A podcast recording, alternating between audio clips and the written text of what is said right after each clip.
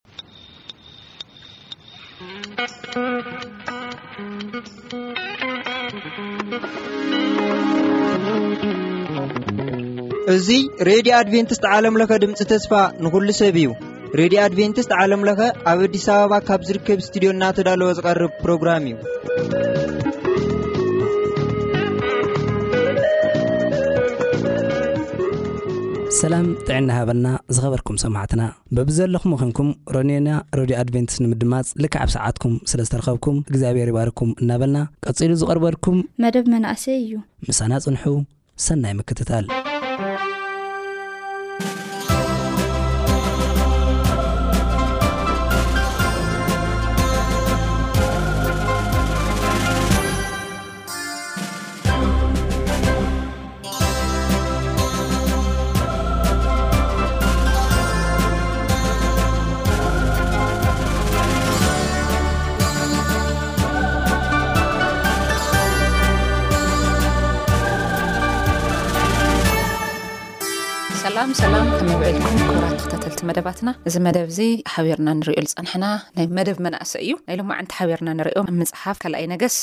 ምህረት። ምዕራፍ ኣርባዕተ ፍቅዲ ሸሞንተ ዝጅምር መጽሓፍ እዩ በኣርከስ ቅድሚ ምጅማርና ሓቢርና ንጽሊ ኢና ነመስግነካ ሰማያዊ ዝኮንካ ኣምላክ ሰማይ በዚ ዕለት እዚ ንኣና ዝከውን ንዕለት እንጌራ ተቆሪሱ ዘይውዳእ መኣዲ ስለ ልሃብካና ነመስግነካ በኣርከስ ሰማያዊ ዝኮንካ ኣምላክ ሰማይ ንሰማዕትና ኣብ ዘዘድልዮም ቦታ እስካ ተገሊጽካ ክትርከብ ንምሕጸነካ ኣይትፈለየና ስለ ሽም የሱስ ኣሜን። ባረከስ ኣብ ዝሓለፈ ሰሙን ናይ መደብ መንኣሰያት ሓቢርና ልረእናዮ ናይ ብዛዕባ ናይ ሃና ታሪክ ነይሩ ሕጂ ውን ካሊእ ንሪኦ ብዛዕባ ሓንቲ ሱነማዊት ሰበይቲ ታሪክ እዩ እታ ሰበይቲ እዚኣ ኣብ ሱነም ትርከብ በዓል ሃፍቲ ምስ ሰብኣያ ትነብር ውሉድ ዘይብላ ሰብ ነይራ ኣብቲ ታሪክ ዝተዋሳኣ ዝኾነ ሓደ ናይ እግዚኣብሔር ባርያ ከኣ ኤልሳእ ዝብሃል ባርያ እኒኦ ዘንዚ ባርያ እዚ ኣብ ዝተፈላለየ ቦታ እንዳኸደ ንሰባት ነዛ ምድሪ ነቲ ዘሎ ቦታታት መፍትሒ መልእኽቲ ንዘድልዮ ንጉስ ከኣ መልእኽቲ እንዳሃበ ይሰርሕ ነይሩ ድሕሪ መን ዝመጸ ናይ እግዚኣብሔር ባርያ ድሕሪ ኤልያስ ማለት እዩ ኤልያስ ንስ ዝቀውኦ ኪድካ ቅብኤለይ ዝበሎ ሓደ ካብቶም ዝተቐብኡ ናይ እግዚኣብሔር ባሮት ወይ ደሞ ነቢዪ ንብሎም ማለት እዩ። ሶ እዛ ሰብ እዚኣ ኣብ ካልኣይ ነገሥት ምዕራፍ ኣርባዕተ ፍቕዲ ሸሞንተ ታይ ይብል ከምዚ ድማ ኾነ ሓደ መዓልቲ ኤልሳዕ ናብ ሱነም ከደ ኣብኡ ኸዓ ሃብታም ሰበይቲ ነበረት እሞ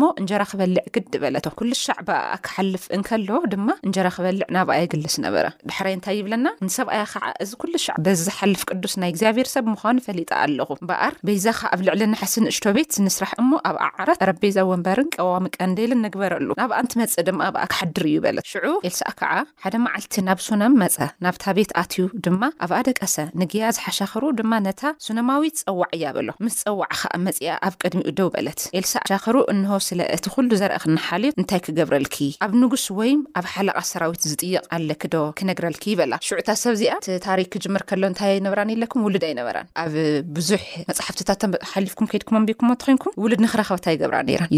ይጽልያ ነይረን። ብዙሕ ነገራት ኣብ ዓለምና ከም ንርእዮ ኸኣ ናብ እተፈላለዩ ቦታታት ይኸዳ። እዛ ሰብ እዚኣ ግን ተለማሚዳቶ ዝነበረት ይመስለኒ እቲ ዘይምህላዋ ግን በዓል ጸጋ ሃብታም ሰብ ከም ዝነበረት። ሽዑ እንታይ ኢልዋ፣ ኣብ ንጉስ ወይ ደማ ኣብ ሓለቓ ሰራዊት ዝጥየቕ ነገር ዶ ኣለኪ፣ ከቕርበልኪ፣ እቲ ሓነቓ ሰራዊት'ዚ ኸኣኒ፣ ኤልያስ፣ ኤልሳእ፣ ናይ መን ባርያ እዩ፣ ናይ እግዚኣብሄር ባርያ እዩ፣ ሰለዚ ናብኡ እዩ ከብጽሖ፣ በቲ ሽዑ ዝነበረ ናይዞም ነገስታት ናብኦም ዝቐረበ ሓሳብ ኣይኮነይ፣ ሰብ ውልድ ክህበካ ኣይክእልን፣ እግዚኣብሄር እዩ ውልድ ድህብ፣ ስለዚ ንሳ ኸኣ እንታይ ኢላቶ፣ ንሳ ኸኣ ኣብ ማእከል ህዝበይ እየ ተቐሚጠ ዘለኹ በለት፣ ኤልሳዕ ድማ፣ ንግያዝ እንታይ ደኣ እሞ ክገብረላ፣ ኢሉ ጠየቖ፣ ማለት ምንም ኣይ፣ እቲ ናይ መጀመርያ ጥያቄኣስ ምንም፣ በቃ ኣብ መንጎ ህዝበይ ጥቕመጥ ስለ ደለኹ፣ ምንም ኣይኮነን፣ ካሊእ ጸገም የብለይን፣ ኢላቶ። ድሓር ግያዝ ከኣ ውሉድ የብላን ስብኣያ ድማ ኣረጊት እዩ ኢሉ መለሰሉ። ንሳ ሕጂ ውሉድ ሃበኒ ወይ ገለ ሃበኒ ወይ ገለ ሃበኒ ኢላ ኣብዚ ታሪክዚ ዝገለጸቶ ነገር የብላይ ግን እንታይ ኢላ ኣነ ኣብ ማእከል ህዝበይ እየ ተቐሚጠ ዘለኹ በለት። ኤልሳዓ ድማ ንግያዝ እንታይ ደኣ እሞ ክገብረላ ኢሉ ክጥይቖ ከሎ ግያዝ ከኣ እንታይ ኢልዋ ውሉድ የብላን ትወልደሉ ትኽእል ዕድላት ከኣ ዝነኣሰ እዩ ስለምንታይ ስብኣያ ዕድመኡ ዝደፈኣ ሰብ እዩ ሽዑ እንታይ ይብል ኤልሳዓ ከኣ ጸውዓያ በሎ ምስ ጸውዓ ድማ ኣብ ኣፍ ደገ እቲ ቤት ደው በለት ኣብቲ ናይ ኤልሳእ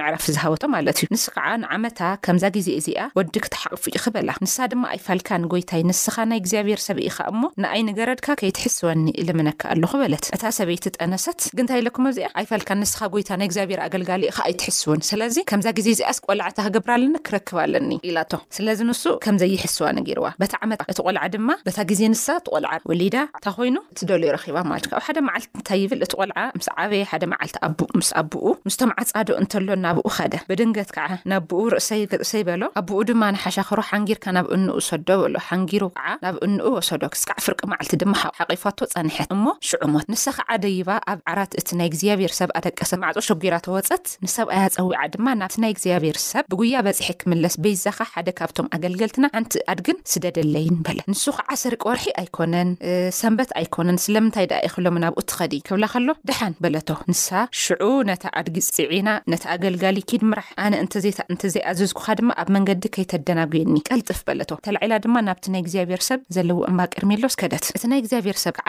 ኣማዕድዩ ምስ ረኣያ፣ ንሓሻኽሩ ንግያዝ፣ እታ ሱነማዊት ሰበይቲ እንሆ ትመጽእ ኣላ፣ በይዛኻ ጐይኻ ተቐበላ እሞ፣ ደሓን ዲኺ? በላ። ሰብኣይኪኸ ደሓንዶ ኣሎ? እቲ ወድኺኸ ደሓንዶ ኣሎ? በላ። ንሳ ድማ፣ ደሓን ኣለና፣ ኵሉ ሰላም፣ ኵሉ ጽቡቕ ኣሎ ኢላ። እቲ ኸም መጀመርያ ክትመጽእ ከላ ደሓን ወግዒ ኣለኒ ምስ ናይ እግዚኣብሄር ሰብ ኢላ መጺኣ። ሽዑ ኣማዕድዩ ክርእያ ከሎ ኣብቲ እምባ ቀርሜሎስ ኰይኑ ከኣኒ፣ ደሓን ዲኺ? ንስኺ፣ ወድኺ፣ ሰብኣይኪ ደሓን ዲኹም? ክብላ ከሎ፣ ድሓን ኢና ዘለና ኢላ ከይዳ ግን ታይ ይብለው እዙይ ደስ ድብል ቅንዕናኣ ናብቲ እምባ ናይ እግዚኣብሔር ሰብ ዘለዎ ምስ መፀት ከዓ ብኣእጋሩ ኣፅኒዓ ሓዘቶ ግያዝኣ ክርሕቃ ቀረበ እቲ ናይ እግዚኣብሔር ሰብ ደም ግና እግዚኣብሔር ካባይ ሰዊርዎ ኣይገለፀለይን እምበር ነብሳ ሓዚና እያ እሞ ሕደጋ ደኣ በሎ ንሳ ከዓ ወዲ ሃበኒ ኢለ ዶ ለሚነ ነይረ እየ ኣነ እውን ኣይትታለንን ዶ ኣይበልኩኻን እየ በለቶ ካብ መጀመርይኡስ ኣነ መፂኤስ እንታይ ኣይበልኩኻን ኣይጠየቅኩኻን ውልድ ሃበኒ ኢለስ ኣይጠየቅኩኻን ሽዑ ከዓኒ ኣይትታለንንስ ኢለካ ነይረ እየ ኣይትሕስወንንስ ኢለካ ነይረ እሱ ከዓኒ ኣይፋል ኣይሕስወክን ኢልዋ እዩ ነይሩ ምኽንያቱ እቲ ምሳይ እቲ ምስኡ ዘሎስ ኣይሕስብን እዩ፣ ንሱ ኣይኮነን ድህብ እግዚኣብሄር እዩ ድህብ ነይሩ። እንታይ ይብል? ኢለካ ነይረ እየ፣ ባዕለይ ለይጠይቅኩኻ ንስኻ ገይርካለይ፣ ስለምንታይ ደኣ ነፊግካኒ? ትብሎ። ሽዑ ገያዝ ሕቖኻ ተዓጥቕ እሞ በትሪ ኣብ ኢድካ ሒዝካ ኪድ፣ ዝኾነ ሰብ እንተ ረኸበካ ኸኣ ከማዕልካ ኣይትበሎ፣ ከማዕልካ እንተ በለካ ኣይትመልሰሉ፣ ነዛ በትረይ ድማ ኣብ ገጽ እቲ ቖልዓ ኣንብራ፣ በሎ። እንሆ፣ እቲ ቖልዓ ኸኣ ንኤልሳእ ምሳይ እንተ ዘይከድካስ ሓዲገካ ከም ዘይከይድ ብህያው እግዚኣብሄር ስም ብህይወት እምሕል ኣሎኹ፣ በለት። ኤልሳእ ድማ ተሲኡ ደድሕሪኣ ሰዓበ። ገያዝ ከኣ ቀቅድሚኦም ሓሊፉ ነታ በትሪ ኣብ ገጽ። እቲ ቆልዓ ኣንበራ። እቲ ቆልዓ ግና ድምጺ ወይም ምስማዕ ኣይነበ። ሽዑ ጌያዝ ንኤልሳእ ክራኸቦ ተመለሰ፣ እቲ ቆልዓ ኣይተንስኣን፣ ኢሉ ኸኣ ነገሮ። ኤልሳእ ናብታ ቤት ምስ ኣተወ ድማ፣ እንሆ፣ እቲ ቆልዓ ሞይቱ ኣብ ዓራቱ ተጋዲሙ ጸነሖ። ናብታ ቤት በይኑ ኣትዩ ድማ ነቲ ማዕጾ ሸጎሮ፣ ናብ እግዚኣብሔር ድማ ጸለየ። ደይቡ ኸኣ ኣብ ልዕሊ እቲ ቆልዓ ለጥ ኢሉ ኣፉ ኣብ ኣፉ፣ ዓይኑ ድማ ኣብ ዓይኑ፣ ኢዱ ኣብ ኢዱ ገበራ። ኣብ ልዕሊኡ ምስ ተዘርግሐ ሰብነቱ እቲ ቆልዓ ሞቐ። ኤልሳእ ድማ ኣብታ ቤት። ኣልዓለት። ሓደ ሻዕ ናብዚ፣ ሓደ ሻዕ ናብቲ እንዳበለ ተዛወረ። መሊሱ ኣብ ልዕሊኡ ሸውዓተ ሻዕ ለጥ በለ። እቲ ቆልዓ ድማ ኣዒንቱ ቋሕ ኣበለ። ሽዑ ኤልሳ ንጊያ ጸዊዑ ነታ ስነማዊት ጸወዓያ። ንሳ ኸዓ ንሱ ኸዓ ጸወዓ። ናብኡ ምስ ኣተወት ድማ እንሆ ወድኺ ኣልዒለልኪ ውሰዲ በላ። ኣትያ ኣብ እግሩ ወዲቓ ናብ ምድሪ ፍግም ኢላ ሰገደትሉ። ወዲ ኣልዒላ ኣይመጸትን።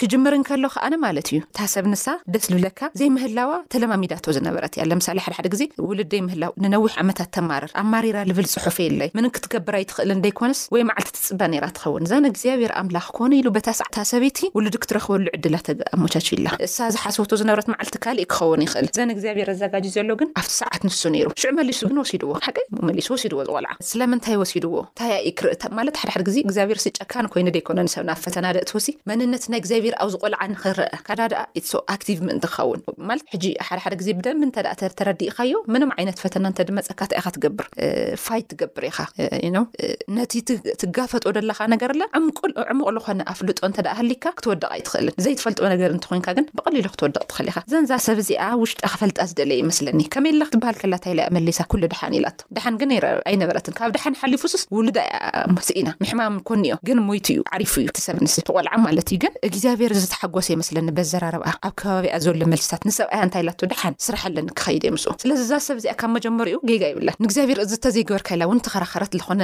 ዘጨነቐቶ ሰብ ኣይነበረትን እንተሃበ እውን እግዚኣብሔር እዩ እንተወሰደ እውን እግዚኣብሔር እዩ ግን እዛ ናይ መጨረሻ ኣይኸኣለታን ስለምንታይ ትሕስወኒ ኢላቶ ንናይ እግዚኣብሔር ባርያ ንሱ እንታይ ኢልዋ እግዚኣብሔር ሰዊርለይ እዩ ስለዚ ክፅሊ ኣለኒ ኢሉ ኣትዩ ፀልዩ ሽዑ እግዚኣብሔር ታጊ ህይወት ናይቲ ሰብ መሊሱ ግን እቲ ደስ ልብሎ እዚ ታሪክ እዚ ከመይ ኢልና ኢና ንሕና ከምቲ ከምዚ ዓይነት ኣብ ሽግር ወይ ኣብ መከራ ኣብ ፀገም ኣቲናሲ ኩሉ ሰናይ ኩሉ ደሓን ኢልና ክንሰግር ንኸእል እንታይ ዓይነት ካበይ ኣረኺባቶ ጸጋ እዚ እቲ ዕሙቅ ድኾነ ሓይልስ ካበይ እያ ኣምጺኣቶ ግን ብዘገርም መንገዲ ዝተውሃባ ጸጋ እና ታይ እየ ክብለኩም ደልየ በዚ ጸዓት እዚ ሬድዮ ከፊትኪ ትከታተሊ ሓፍቲ ትከታተሊ ኣዶ ኣቦ ህዝበይ ኩላኻትኩም ከመይ ኣለኻ ክትብሃል እንከለኻ ሎማዓንቲ ጽቡቅ ኣይኮነን ድሎ ኩነታቱ ዝሓለፉ ዓመታት ብጣዕሚ ዘጽልእ ነይሩ ከምዚ ከምዚ ከምዚ ነርና እዚ ጎዲልና ከምዚ ከምዚ ኮይና ከምዚ ኢልና ብዙሕ ነቅርቦም ነገራት ኣለውና ንሳ ንሰብኣያ ከማንስ ናይ እግዚኣብሔር ሰብ ኢላቶ ድሓር ግን እግዚኣብሔር ርእዩ ዓቅማ እዩ ፈቲሑላ ሓቀይ ኣሕናኸ እስካብ ክንደይ ንኸይድ እግዚኣብሔር ሱቅ ኣብ ዝበሎ ሰዓታት ኣሕና ታይ ዓይነት ሓሳብ መግለፂ ከምዚ ኮይነ እግዚኣብሔር እኮ ከምዚ እዩ ኢልና ዲና ነግሮምርም ንሳ ግን ተረጋጊዓ ካይዳ እያ ኣብፂሓቶ መልእክቲ ካብ መጀመርያ እዩኳ ኣነ ከምዘይ በልኩኻ ንክውሰድ ንምንታይ ትህበኒ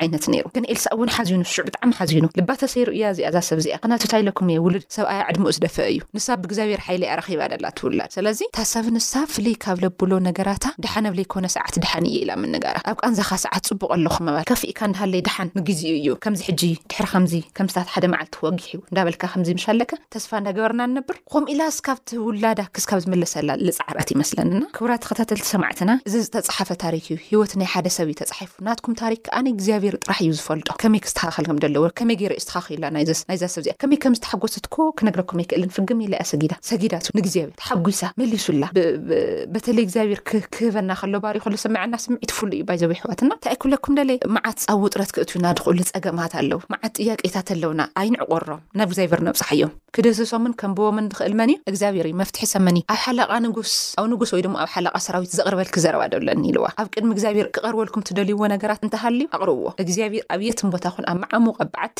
ኣብ ጭሕወት ናትኩም ህይወት ከንብብ ዝኽእል እግዚኣብሄር ጥራሕ እዩ። ናይታ ሱነማዊት ሰበይቲ እግዚኣብሄር ናይ እግዚኣብሄር ባርያ ልኢኹ መልእኽቲ ነጊርዋ። ትንቢት እኮ እዩ ነጊርዋ። በዚ ሰዓት እዚ ግን ንሳ ስለምንታይ ይመስለኩም ኣይፋልካን እየ ትሕስወኒ እንዶ በለቶ። ታይ ኢለኩም እየ ሓደ ዕድሚኡ ዝደፈ እዩ ካልኣይ ከኣ በዚ ሰዓት እዚ ለምሳሌ ታይታይ ብዙሕ ነገራት ይካየዱ ሓሶት ናይ ሓሶት ትንቢታት ይንገሩ ባይዘወይ ካብቲ ሽዑ ሰዓት ኣትሒዙ ነይሩ እዩ ናይ ሓሶት ትንቢት ከምዚ ክትኸውን ኢኻ ከምዚ ክትኸውን ኢኻ ተስታውስዶ ነይርኩም እስራኤላውያን ሰብዓ ዓመት ኣባብ ኢሎም ምስ ተገዝኡ ማዕዘ ኢና ክንምለስ ንገረና ኢልዎ ዳንኤል ግን እግዚኣብሔር እንታይ ኢሉ መሊስሉ ክትጸንሑ ኢኹም ሰብዓ ዓመት እቶም ሓሰውቲ ነቢያት ክነ ናብ ቀረባ መዓልቲ ቅድሚኡ ማለት ቅድሚ ምንጋሮም እትዮም ናብ ቀረባ መዓልቲ ናብ ዓድና ንምለስ ኢና ኢሎም ምክንያቱ ትረኽቢ ኢኺ ተይልዋ ሓቀይ ዶ ረኺቡ ትግምቶ ነገራት ኣሎ ከም ሰብ ምስ ረኸበት እውን እንታይ ኮይና ልባ ተሰይሩ ተወሲዱላ ከምዚ ዓይነት ኩነታት ዘለኹም ኣሕዋት ንኹሉ ነገርኩም መፍትሒ ድኾነ እግዚኣብሔር ጥራሕ እዩ ካሊእ ኣማራፅ ከይትጥቀሙ ለምሳሌ ላም እንታይ ከዱ ደኾን ክሰምዐና ኢሎም ናብ ብዙሕ መንገድታት ብዙሕ ኣማራጭ ይጥቀሙ ሓቀይ እሱም መፍትሒ ክኾኑ ይኽእሉ ዶ ይመስለኩም ኣይክእሉን ኣማራጭ ኣብ ቅድሚ እግዚኣብሔር ኣማራጭ ኣይቀርብን ሓደን ሓደን ብሕታዊ መፍትሒ ኣብ ሰማይ እግዚኣብሔር ጥራሕ እዩ መፍትሒ ቁልፊ ለምሳሌ ናዛ ሱነም ሰበይትሲ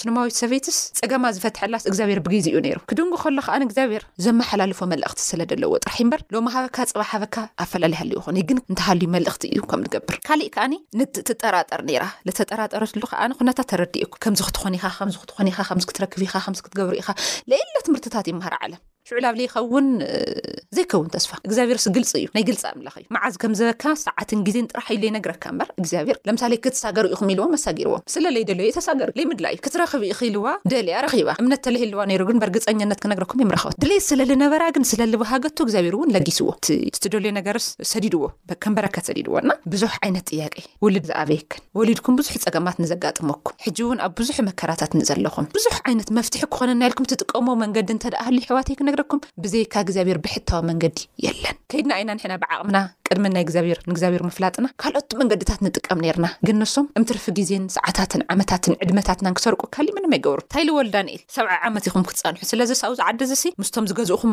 ላዕለዎት ሓለቓቓትኩምስ ዳተኻዋወርኩም ንበሩ፣ በታ ሰዓት ንሳ ግን ባዕለይ ናብ ዓድኹም ክመርሓኩም እየ ኢልዎም። ስለዚ እግዚኣብሔር እስካብ ዝህብ ከኣኒ ክትንር፣ ክትደናገጽ፣ ክትሽበር፣ ክትጭነቕ ደይኮነ ደለካ፣ እግዚኣብሔር ዝህበካ መዓልቲ ብተስፋ ምጽ ኣነ ንስኹም እንታይ ንጽበ ለምሳሌ ኣነ መንግስቲ ኣምላኽ ንስኹም ለ መንግስቲ ኣምላኽ ነታ መንግስቲ ኣምላኽሲ እርግጠኛ ዲኻ ክትወርስ እንተድኣ ኢልካ ሰብ ልኾነ ተስፋ ደቑርጽ ነገር ክነግረካ ይኽእል ብእምነት እዩ ንሓቀይ ነቲ ኩሉ ነገራትና ንስዕሮ ከኣ ብምንታይ እዩ ብእምነት እዩ ስለዚ ንሳ እምነታ ሒዛ ትውልድ ረኺባቶ። ባይ ዘ ወይ ካብ መጀመርያ መጽሓፍ እስካብ መጨረሻ ኩሎም ዘሸነፉ ብእምነቶም እዮም ስለዚ ናይዛ ቆልዓ እዚኣ ዓውዪ እምነታ ድሓን ዲኪ ክትብሃል ከላ ኣብ ውሽጣ ዘሎ ዕሙቅ ድኮነ ቅዱስ ድኮነ ኣተሓሳስብኣ እዩ ክተሸንፍ ጌርዋ ካብኡ ልለ ታይ ንኮን መሲልኩም እዚ ክንሰግሮ እንተ ደሊኩም ቁኑዕ ልኮነ ኣተሓሳስባ ክህልየና ኣለዎ ጸገማትና ክንሰግር እንተ ደሊኩም ቁኑዕ ኣተሓሳስባ ክህልየካ ኣለዎ ከመይ ኣለካ ትብሃል ከለካ ከቢድ እንዳ ሃለየ ኩሉ ሰላም ምባል ከቢድ እዩ ግን ይህበካ ጸጋ ኣብ ልተረበሸ ከተማስ ንኣካስ እንታይ ይከውን ኖርማል በቃ ምክንያቱስ ናይ ዓለም ኣጀንዳ እዩ ንሱ ንኣካ ኣይደንቀካ እዩ ሰባት በቃ ከምዚ ስኢኖም ገለ ኢሎም ክድነቑ ገለ ከለውሲ ንኣኻ ምንም ማለት ኣይደለም ንሱ ሓደ መዓልቲ እግዚኣብሔር ከም ዝምልስ ትፈልጥ ኢኻ ግን መዓዘ እዩ ደን እግዚኣብሔር ጥራሕ ይፈልጦ ሓደ ሓደ ግዜ ከኣ እንታይ ኣሎ እንታይ ክብለኩም ይደሊ ሓቑርና ይንሓዞ እግዚኣብሔር ከምዚ ጳውሎ ጴጥሮስሲ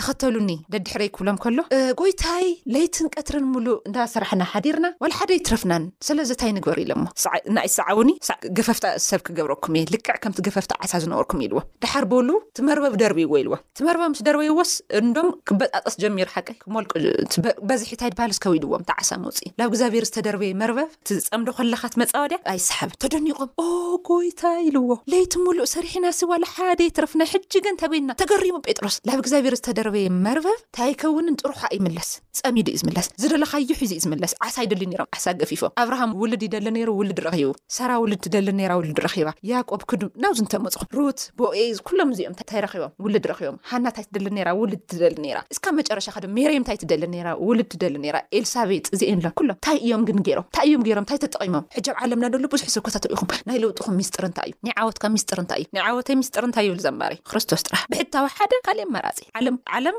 ብዙሕ ሓሳብ ክተብራህርህ ትኽእል እያ ፋይናሊ ከመሓላልፈልኩም ዝደሊ ግን ካሊእ መንገዲ ምጥቃም ጀሚርና እንተ ኮይና ከም ሳኦል መጥፍኢና እዩ ክኸውን ካብ እግዚኣብሔር ወፂሲ ከዘራረቦ ደለየ መንገዲ ፍጠር ለይልዋ ኣይከውንን ኩሎም ካብ እግዚኣብሔር ወፃእ ዝኸዱ መወዳእትኦም ርኢኹምዎ ኢኹም ተደኣ ናብ እግዚኣብሔር ደርቢኻዮ ዝመርበብ ግን እንታይ ይኸውን ማለት እዩ ፅቡቅ ይኸውን ካብኡ ለለ ክንጨናነቀ ይብልና እዩ እግዚኣብሔር ኣምላኽ እንተ ደኣ ንጭንቅ ኣለና ኣይትኽእልን ማለት እዩ ምሕሳብ ካልእ እዩ ምጭናቅ ካልእ እዩ እዛ ሰብ እዚኣ ሱቅ ኢላ ዝነበረት እግዚኣብሄር ስለ ለይክእል ኢኹም እቲ ሱቕ ኢላ ታይ ደኣ ክትገብር ሓደ ሓደ ግዜ ኢላ ነቲ ዘለካ መከራ ተቐቢልካዮ ትነብር መከራ ተቐቢልካ ምንባር ማለት ግን እግዚኣብሄር ኣየንበበካይ ኣይፈለጠካይ ረሲዕካ ማለት ኣይኮነን ብኣኻ ከመሓላልፎ ዝደልዮ መልእኽቲ ኣሎ ማለት እዩ እስካብቲ ሽዑ ሰዓት ደሓን ነይራ እስካብ መጨረሻ ከኣ ንደሓን ድብል መልሲ ትምልስ ነይራ በርከስ ኣሕዋተይ ኣብ ዘጨንቕ ዓለም ዳነበርና ኣብ ውጥረት ኣብ ጭንቂ ኣቲና ከኣ ንመፍትሒ እንህበሉ መንገዲ ስኢንና እንተ ደኣ ኮይና ናብ የሱስ ንኽድ እቲ መፍትሒ ሓደን ሓደን ናይ ህይወት መንገዲ መን እየ ይብል ኣነ እየ ይብል ሓቀይ ስለዚ እቲ መፍትሒ በዚ መንገዲ እዚ ንምፍታሕ ንሞክር። እቲ ቁልፊ ኣብ ክርስቶስ እዩ። ናይ ብሉይ ኪዳን ዝነበሩ ዘመናት ብምልኦም ናይ ህይወቶም ቁልፊ፣ መፍትሒ፣ ዝነበረ ብዙሕ ጽዒሮም እዮም። ኣምሳሌሲ ኣብርሃም እንታይ ኣለኩም?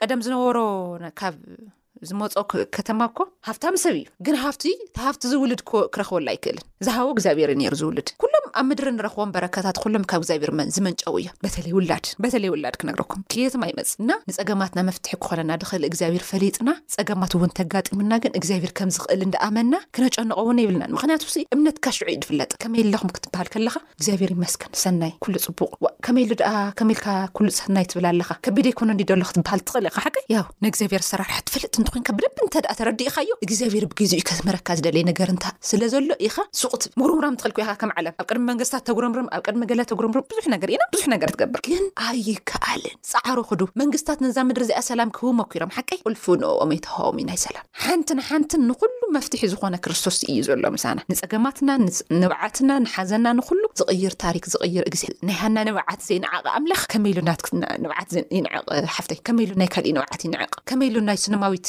ታሪክ ዝቕይር ኣምላኽ ናትካ ደይቀይ ከመይ ኢሉ ንኣኻኸ ዘይቅይረልካ እንታይ እየ ክብለለይ ክንፈልጦ ዝግበአና መጀመርያ ላይ ንጸገማትና መፍትሒ ምዃኑ ክንፈልጥ ናይ የሱስ ባህሪ ክንፈልጦ ኣለና። እግዚኣብሔር ይወስድ ይህብ ይልግስ ኩሉ ነገር ይገብር እግዚኣብሔር ውን ተመሊሱ ይወስዶ እዩ ከም ናይ እዮብ ህይወት ግን መሊሱ ይህቦ መዓዘይ ምስ ተረዳእካዮ እስካብ ትርድኦ እዩ ዝፅበ ኣይኮነን ዶ እግዚኣብሔር ሰብ ከማን ክርደአና ኣይንደልን ዲና ሱቅ ባህሪ እዩ ናይ ሓደ ተፈጥራዊ ባህሪ እግዚኣብሔር ከዓ ባህሪኡ እንታይ እዩ ክንርድኦ ይደሊ ከይተረዳእካዮ ሰብሲ ልኾነ ነገር ከምዚኣ ገይረ ኩሉካ ክል ኖ እግዚኣብሔር ከምዚ እዩ ልኾነ ሰብ ካስ ኣጥፍኡ ተኢሎምካ እንታይ ኢካ ትብል ኣይ ብጌጋ ተረዲእኹሞ ከይትኾኑ ከምዚ እዩ ንዛ ከተማ እዚ ኣጥፍእዋ ደሎ እኮ ሓጢኣተኛታት ስለልኾኑ እዮም ንነነዌ ዘጥፋእ ኖ ኣደለም እግዚኣብሔር ክምህሮም ስለልደለይ እምበር ክቀዝፎም ስለልደለይ ኣይኮነይ ስለዚ እግዚኣብሔር ናይ ባዕሉ መንገዲ ተጠቂሙ እዩ ንህዝቡ ናብ ባዕሉ ዘምልስ። ካብ ጫፍ ክዱ ስካብ ጫፍ ንታሪክ ኩሉ ዝተቀየረ ብዚ መንገዲ እዚ እዩ። ንምቅያር ተሞኪርኩም እውን ትደክሙ ኢኩም። ስለዚ ሓንቲ ነገር ክሕግዘኩም ሓንቲ ነገር ክተሓባበሩ መርበብኩም ናብ እግዚኣብሔር ደርብዩ ላሕ ኣይትበሉ።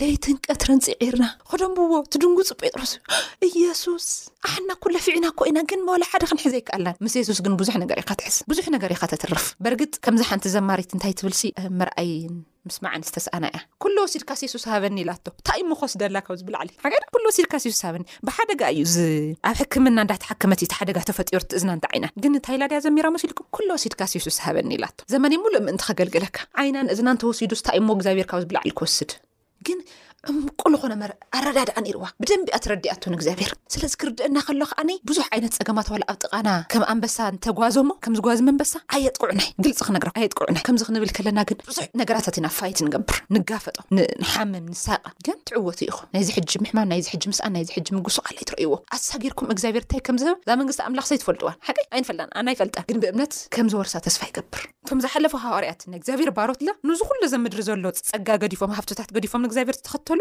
ኣሳጊሮም ናይ ሰላም ምድሪ ስለ ዝረእይዋ እዩና እግዚኣብሔር ኣምላኽ ብዝኸብረሉ መንገዲ ምልላስ ክንኽእል እግዚኣብሔር ራኽቢርና ክንሓልፍ ኣብ ምድሪ ከቢድ እዩ ንምንባር ንምስጋር ግን መፍትሕን ቁልፍን መን እዩ ኢየሱስ ናይ ህይወት እንጌራ መን እየ ኢሉ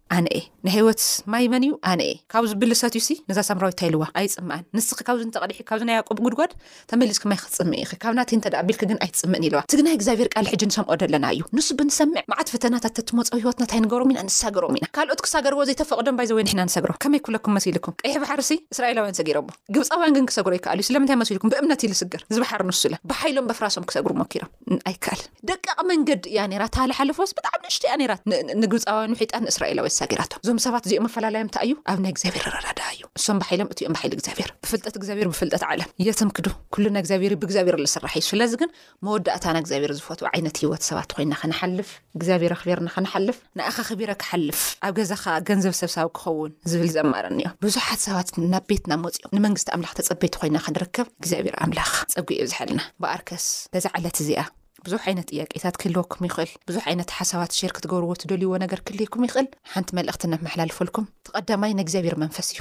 ፈውሰኒ ክብሎ ከሎ ንጳውሎስ ምንም ኣብ ኢድና የለን ኢሎሞ፣ ዘላትና ግን ሓንቲ ነገር ብሽም የሱስ ኢሎም ሽም ክጽውዑ ከለዉ እቶም ሰባት እንታይ ኮይኖም? ደስ ድብል መንፈስ እቲ ዝደልይዎ ረኪቦም ተፈወሱ ኢሎሞ ብዚ ጸጋ እዚ ከምዚ ኩን ከምዚ ኩን ይብልዎም ነይሮም እና ኣብ ቅድሚ ሓለቓ ሰራዊት ዝቐረበ ጥያቄ ዘይተረእየ ዘየለ ነገር ከይመስለኩም ብዘመናት ኩሎም ተንብ ተነቢዎም እዮም ስለዚ ሓፍተይ ናትኪ በዚ ሕጂ ክንበቢ መዓዘ ይጸበ ድሕሪኡ እግዚኣብሔር እዩ ልፈልጦ ግን ሕጂ እንድያ ናይ ናይ ምድሓን መዓልቲ ንእግዚኣብሔር ኣረክብዮ ናይ ምልዋጥ መዓልቲ ሕጂ እዩ ሰለዚ እግዚኣብሔር ኣምላኽ ኣብ ህይወትኪ ምክባር ክትኽእሊ ኣብ ህይወትኩም ምክባር ክትኽእሉ ክነክብሮ ዝበለጸ ክንርድኦ ከኣኒ እግዚኣብሔር ኣምላኽ ጸጉ የብዝሐልኩም። ብዝበለጸ ከኣ ንመንፈስ ቅዱስ ኣብ ሕድሕድ ሕይወትኩም እንዳተገለጸ ከምህር ዓውዪ ጸሎትናን ልማኖናን እዩ። ሓሳባት ክህሊ ይኽእል እዩ፣ ጥያቄን ኣስተያየትን ብዝህልወኩም ከኣ ባዶ ትሽዓተ ሰማንያን ትሽዓተን ሰብዓን ሸውዓተን ኣርብዓን ሓሙሽተን ቴስዓ ብፖስታ ሳጹን ቁጽሪ ኣዲስ ኣበባ ሚእትን ኣርብዓን ሓሙሽተን ኢልኩም ሓሳባትኩምን ኣስተያየትኩምን ጥያቄኹምን ክትልእኹልና ትኽእሉ ኢኹም። በኣርከስ ኣብ ዝቕጽል ጊዜ ክስካብ ንራኸብ ጸጋ ኣምላኽ ምስ ኩላትና ይኹን። ሰላም ቀንዩ። ንኹሉ ነገር መፍትሕ ኣብ ቅድሚ እግዚኣብሔር እዩ። ነገር ግን ከመይ ኣለኹም ክትበሃሉ ከለኹም ኩሉ ሰላም፣ ኩሉ ደሓን በሉ። ብእኹ ትረትዑ ኢኹም ኣብ ዓለም። ኣብ የትም ቦታ ኮኑ